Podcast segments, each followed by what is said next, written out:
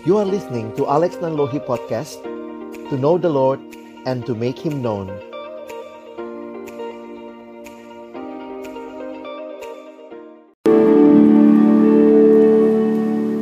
Mari berdoa sebelum membaca merenungkan firman-Nya.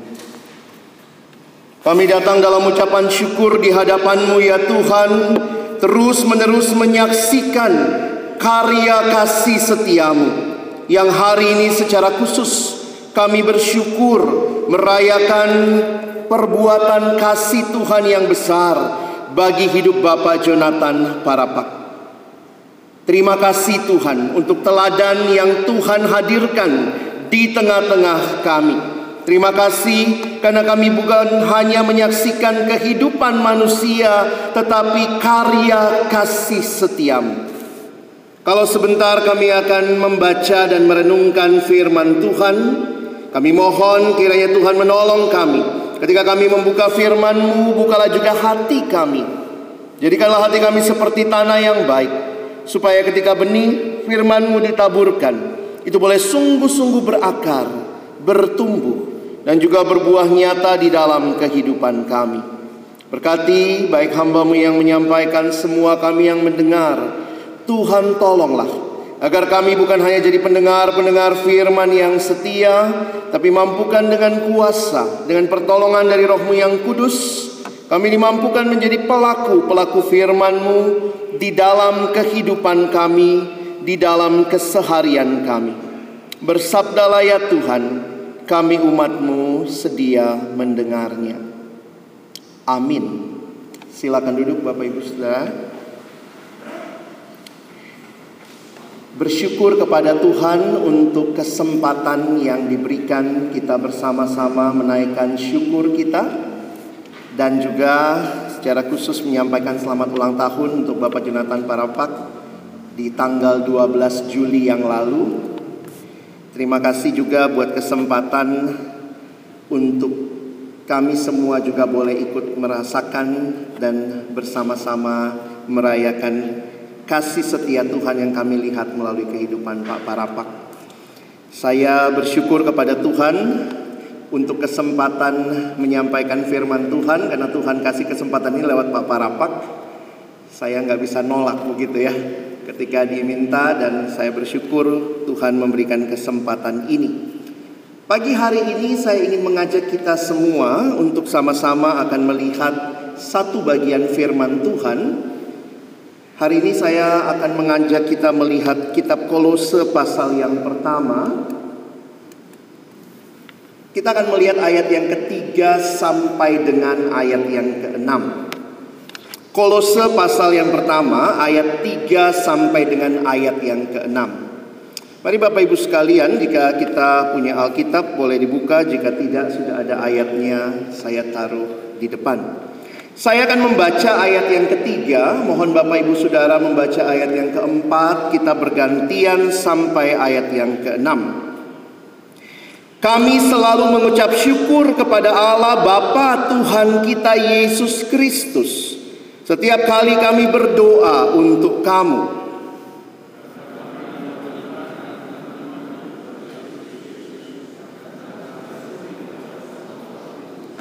Oleh karena pengharapan yang disediakan bagi kamu di sorga, tentang pengharapan itu telah lebih dahulu kamu dengar dalam firman kebenaran yaitu Injil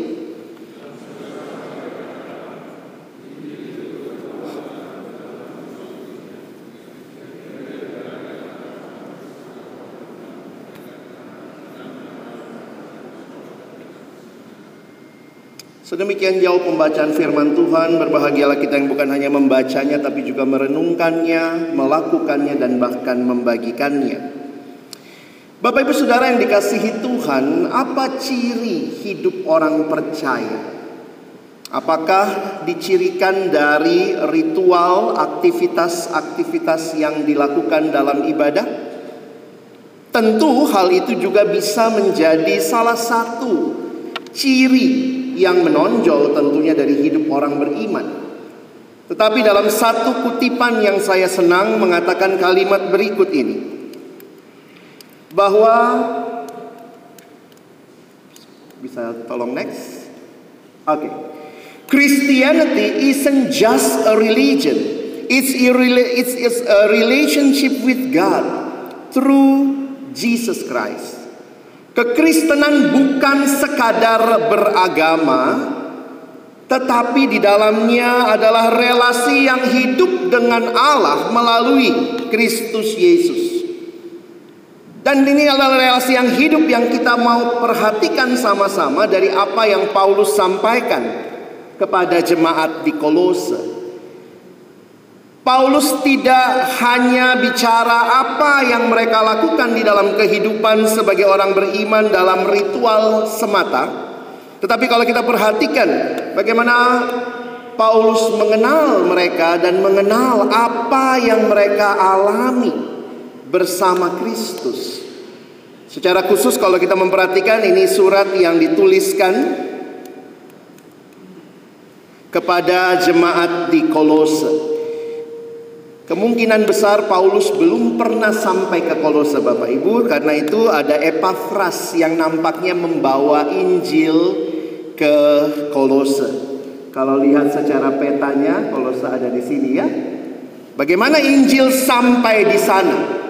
Kitab Kisah Rasul pasal yang ke-19 menyatakan bahwa Paulus tinggal di Efesus selama kurang lebih dua atau tiga tahun. Dan karena itulah seluruh Asia dikatakan mendengar firman Tuhan. Jadi kemungkinan besar bahwa Epafras berjumpa Paulus mendengar Injil di Efesus dia bawa pulang ke Kolose dan Paulus belum pernah ke Kolose tetapi jemaat Kolose berhutang kepada Paulus untuk Injil yang mereka dengar lewat Epafras. Dan kemudian kalau kita lihat konteks dari surat ini, sekitar tahun 52 Masehi Paulus dikatakan ber, berkhotbah tiap hari di, ya, di Efesus dan dari sana Injil menyebar ke seluruh wilayah termasuk Kolose.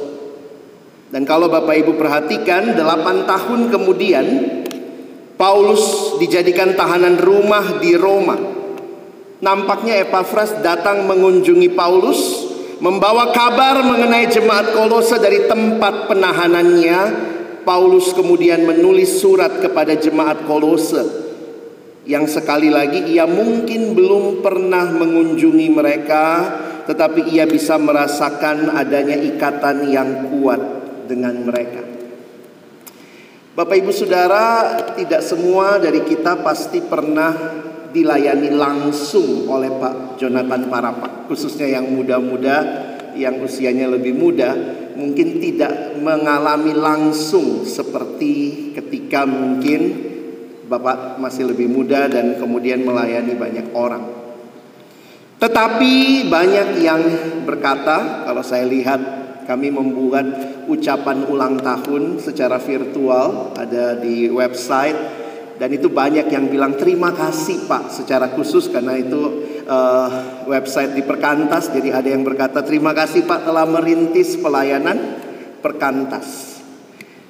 Dari situlah saya kenal Tuhan, dari situlah saya boleh hidup bagi Tuhan dan mirip seperti yang kita lihat dalam pengalaman jemaat Kolose tidak langsung ketemu Paulus tetapi mereka berhutang Injil kepada Paulus.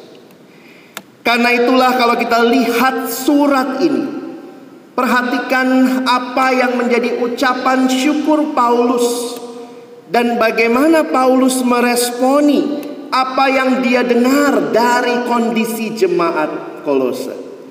Kalau Bapak Ibu perhatikan di ayat yang ketiga, Paulus berkata, "Kami selalu mengucap syukur kepada Allah." Ternyata Paulus sadar ini bukan sekadar pekerjaan dia, tetapi pekerjaan Allah. Bapa Tuhan kita Yesus Kristus, setiap kali kami berdoa untuk kamu, dan perhatikan ayat yang keempat dan ayat yang kelima mencatat apa yang menjadi ciri utama hidup orang beriman. Karena kami telah mendengar tentang imanmu dalam Kristus Yesus dan tentang kasihmu terhadap semua orang kudus oleh karena pengharapan yang disediakan bagi kamu di sorga. Tentang pengharapan itu telah lebih dahulu kamu dengar dalam firman kebenaran yaitu Injil. Bapak ibu saudara tiga hal ini menjadi hal yang menarik di dalam Paulus sampaikan kepada jemaat. Apa yang dia syukuri kepada Allah. Bukan sekadar prestasi-prestasi yang dicapai melalui kehidupan baik secara akademik, secara profesional tentunya itu juga baik. Kalau kita lihat kitab Filemon ada beberapa nama yang disebut, nama-nama itu juga berkaitan dengan karena mereka tinggal di Kolose. Tetapi tiga hal ini yaitu iman, pengharapan, dan kasih. Saudara yang dikasihi Tuhan, apa ciri kehidupan beriman yang utama? It's not only about the ritual, tetapi kehidupan yang menyaksikan iman, pengharapan, dan kasih. Paulus bersyukur kepada Allah karena firman kebenarannya yang penuh kuasa telah membuahkan tiga hal ini: iman, kasih, dan pengharapan dalam hidup orang Kristen di Kolose. Bahkan di ayat yang ke-6 kalau Bapak Ibu perhatikan Injil itu berbuah dan berkembang di seluruh dunia. Tetapi bukan hanya itu, itu dimulai dari apa? Demikian juga di antara kamu sejak waktu kamu mendengarnya dan mengenal kasih karunia Allah dengan sebenarnya. Sekali lagi buah Injil ini tidak hanya dalam hidup jemaat Kolose, tetapi Injil berbuah, berkembang di seluruh dunia. Kalau kita mau membangun jemaat, kita mau membangun hidup beriman yang berelasi dengan Tuhan, ternyata cirinya adalah ada buah dari Injil itu, dan itu berbuah. Pertama, iman kepada Allah, kasih kepada sesama dan pengharapan akan janji Allah. Dan saya bersyukur ketika boleh melihat itu dalam kehidupan Pak Jonathan Parapat. Apa yang Bapak Ibu Saudara dan saya mungkin perhatikan, lihat, kagumi, syukuri adalah imannya kepada Allah, kasihnya kepada sesama, dan pengharapannya akan janji Allah. Dan terima kasih karena ini telah menjadi warisan yang boleh kita sama-sama lihat dan juga tentunya nikmati.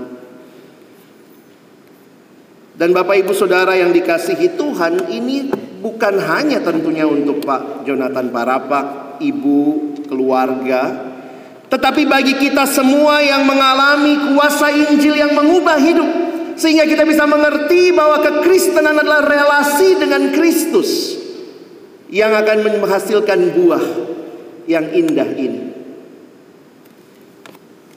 Faith, hope, and love. Ada dua catatan saya waktu bicara tentang buah ini, ya, buah Injil ini. Ada dua hal yang saya nikmati. Yang pertama, kalau Bapak Ibu perhatikan, bahwa buah Injil ini, this fruit is outward in outlook. Maksudnya apa?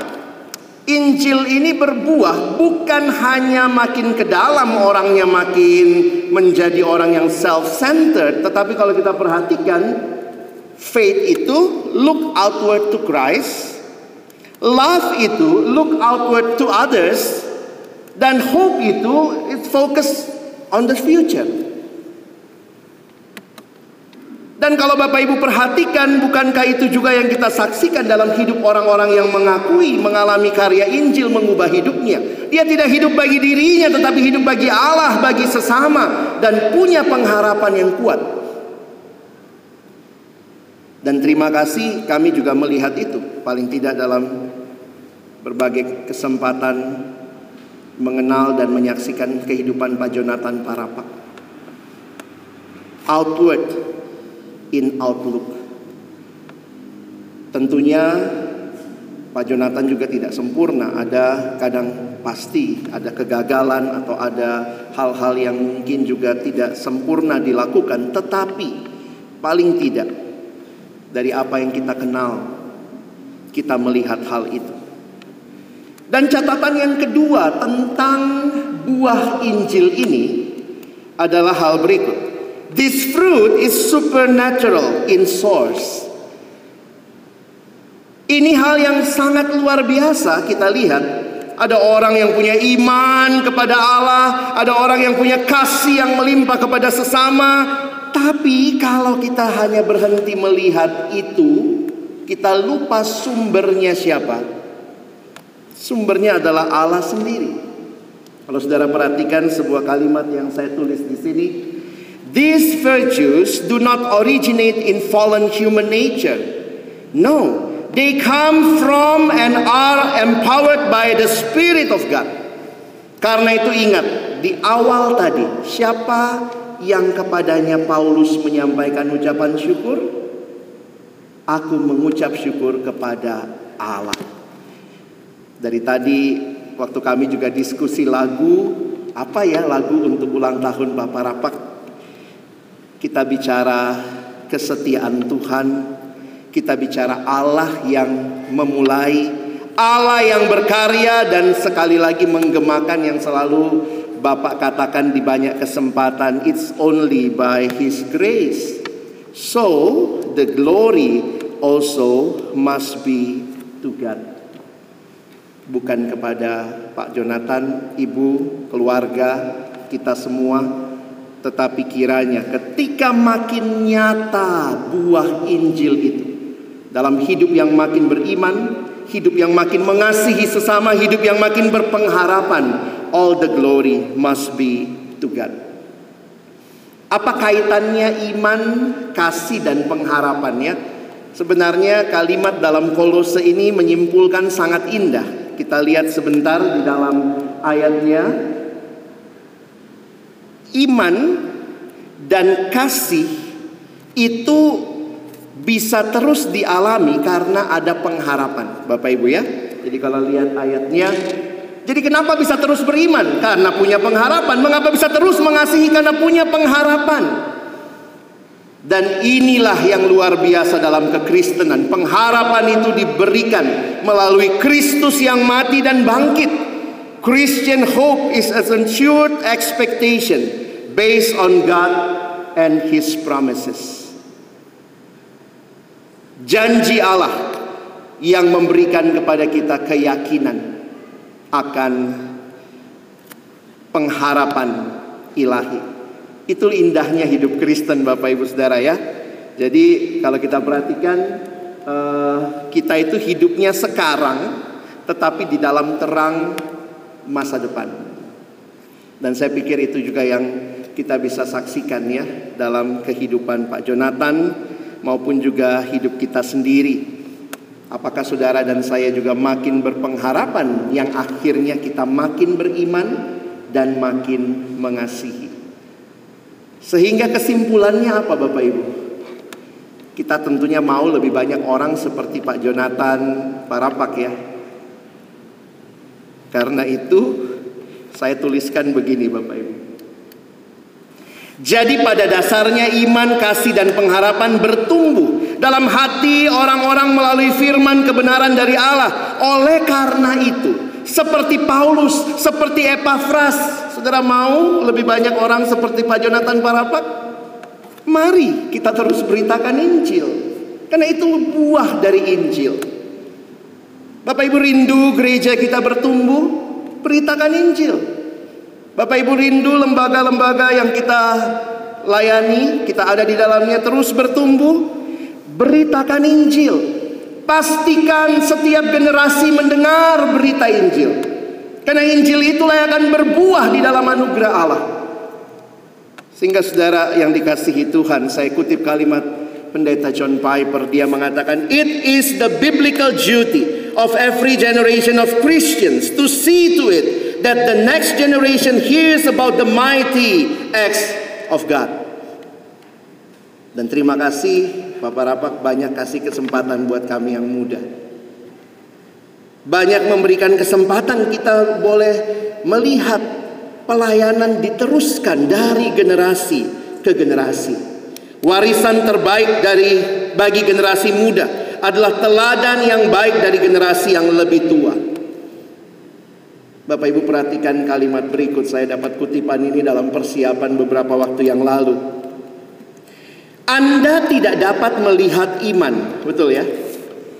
Tetapi Anda dapat melihat jejak kaki orang-orang beriman.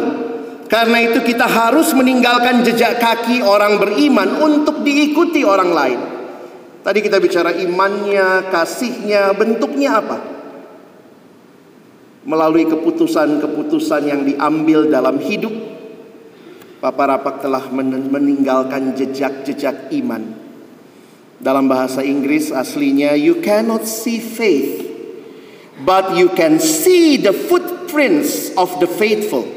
We must leave behind a faithful footprints for others to follow. Karena itu kiranya untuk Pak Parapak buat kita semua dalam waktu kesempatan hidup yang masih Tuhan berikan, mari kita terus punya komitmen bertumbuh di dalam Tuhan. Bahkan di dalam Alkitab ada janji seperti ini Bapak Ibu ya. Mereka yang ditanam di bait Tuhan akan bertunas di pelataran Allah kita. Pada masa tuanya pun mereka masih berbuah. Menjadi gemuk dan segar. Gemuknya sih nggak usah pak ya. Segernya ya. Gemuk tentu ini dalam konteks Israel yaitu tanda sukses. Untuk memberitakan bahwa Tuhan itu benar. Bahwa ia gunung batuku dan tidak ada kecurangan padanya. Tidak heran Paulus menutup bagian ucapan syukurnya dengan doa. Mari ini juga jadi doa kita pertama buat Pak Parapak, tapi juga buat diri kita Bapak Ibu ya.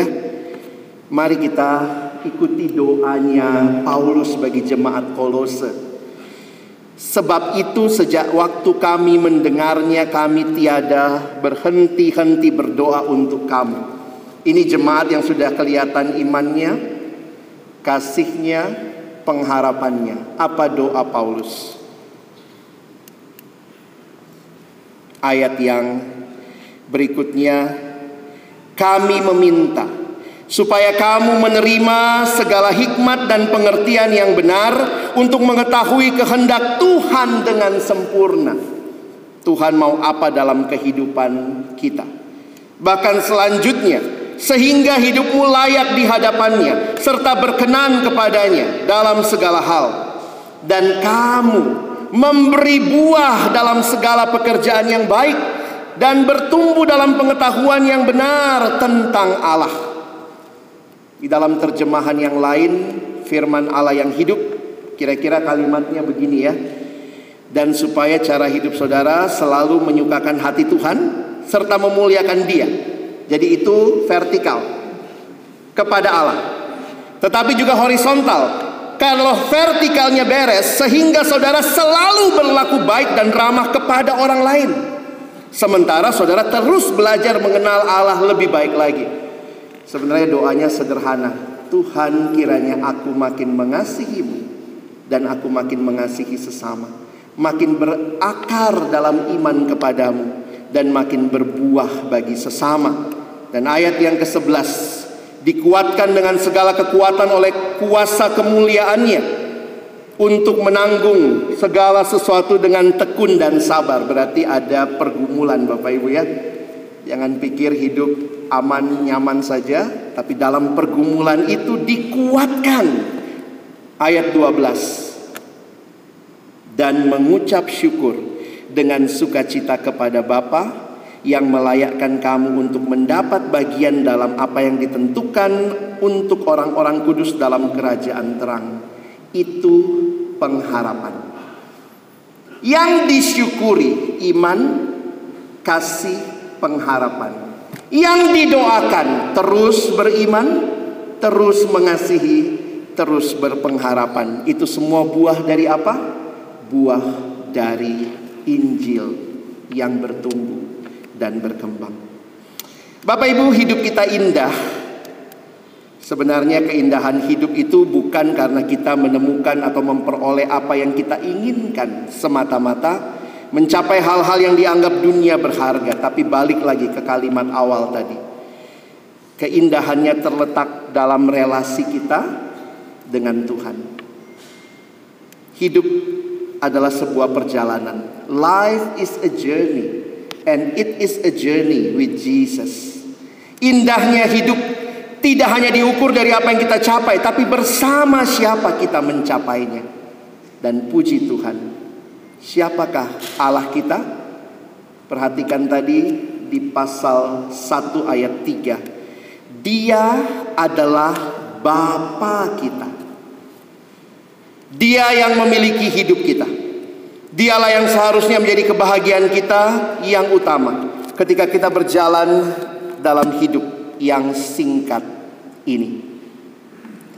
Saya akan tutup dengan satu ilustrasi yang pernah saya baca tentang Allah sebagai Bapa kita.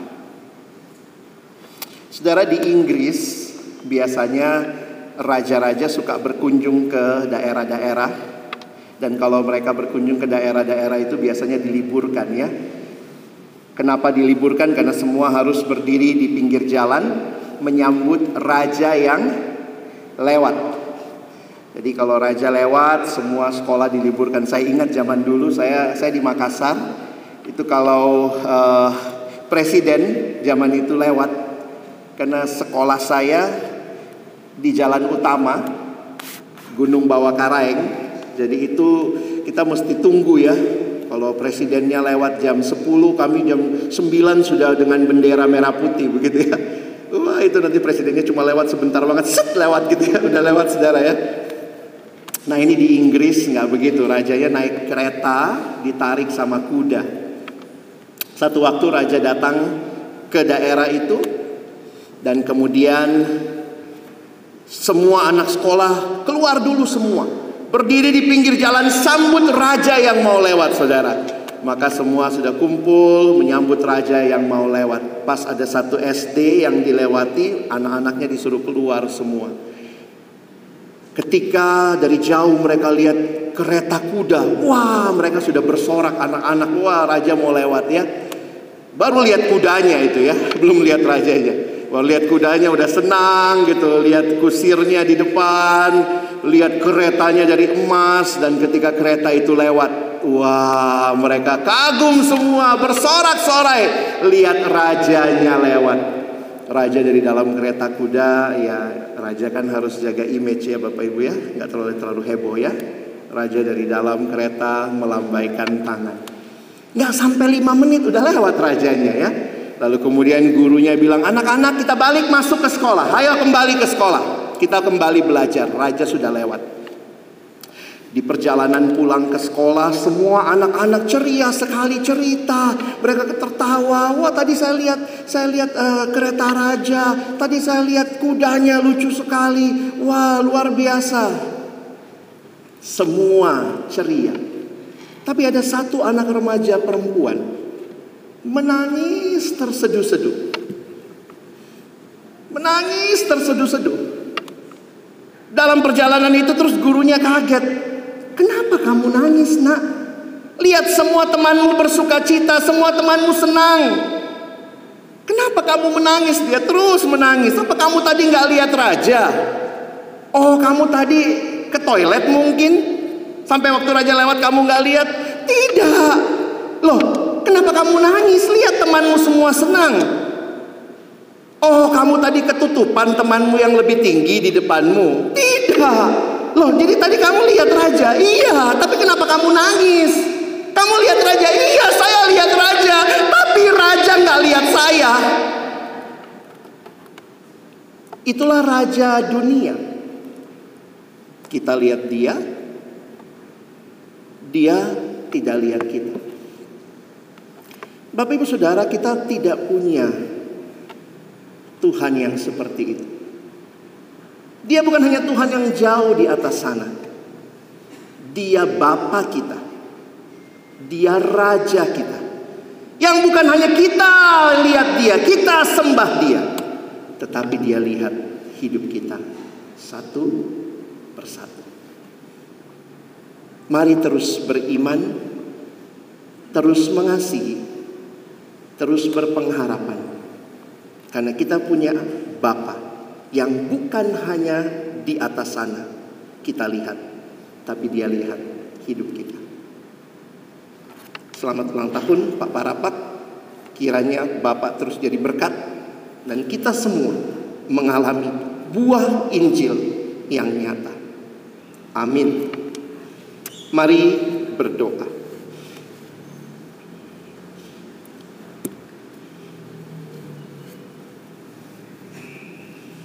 Bapa di dalam surga, terima kasih buat firman-Mu.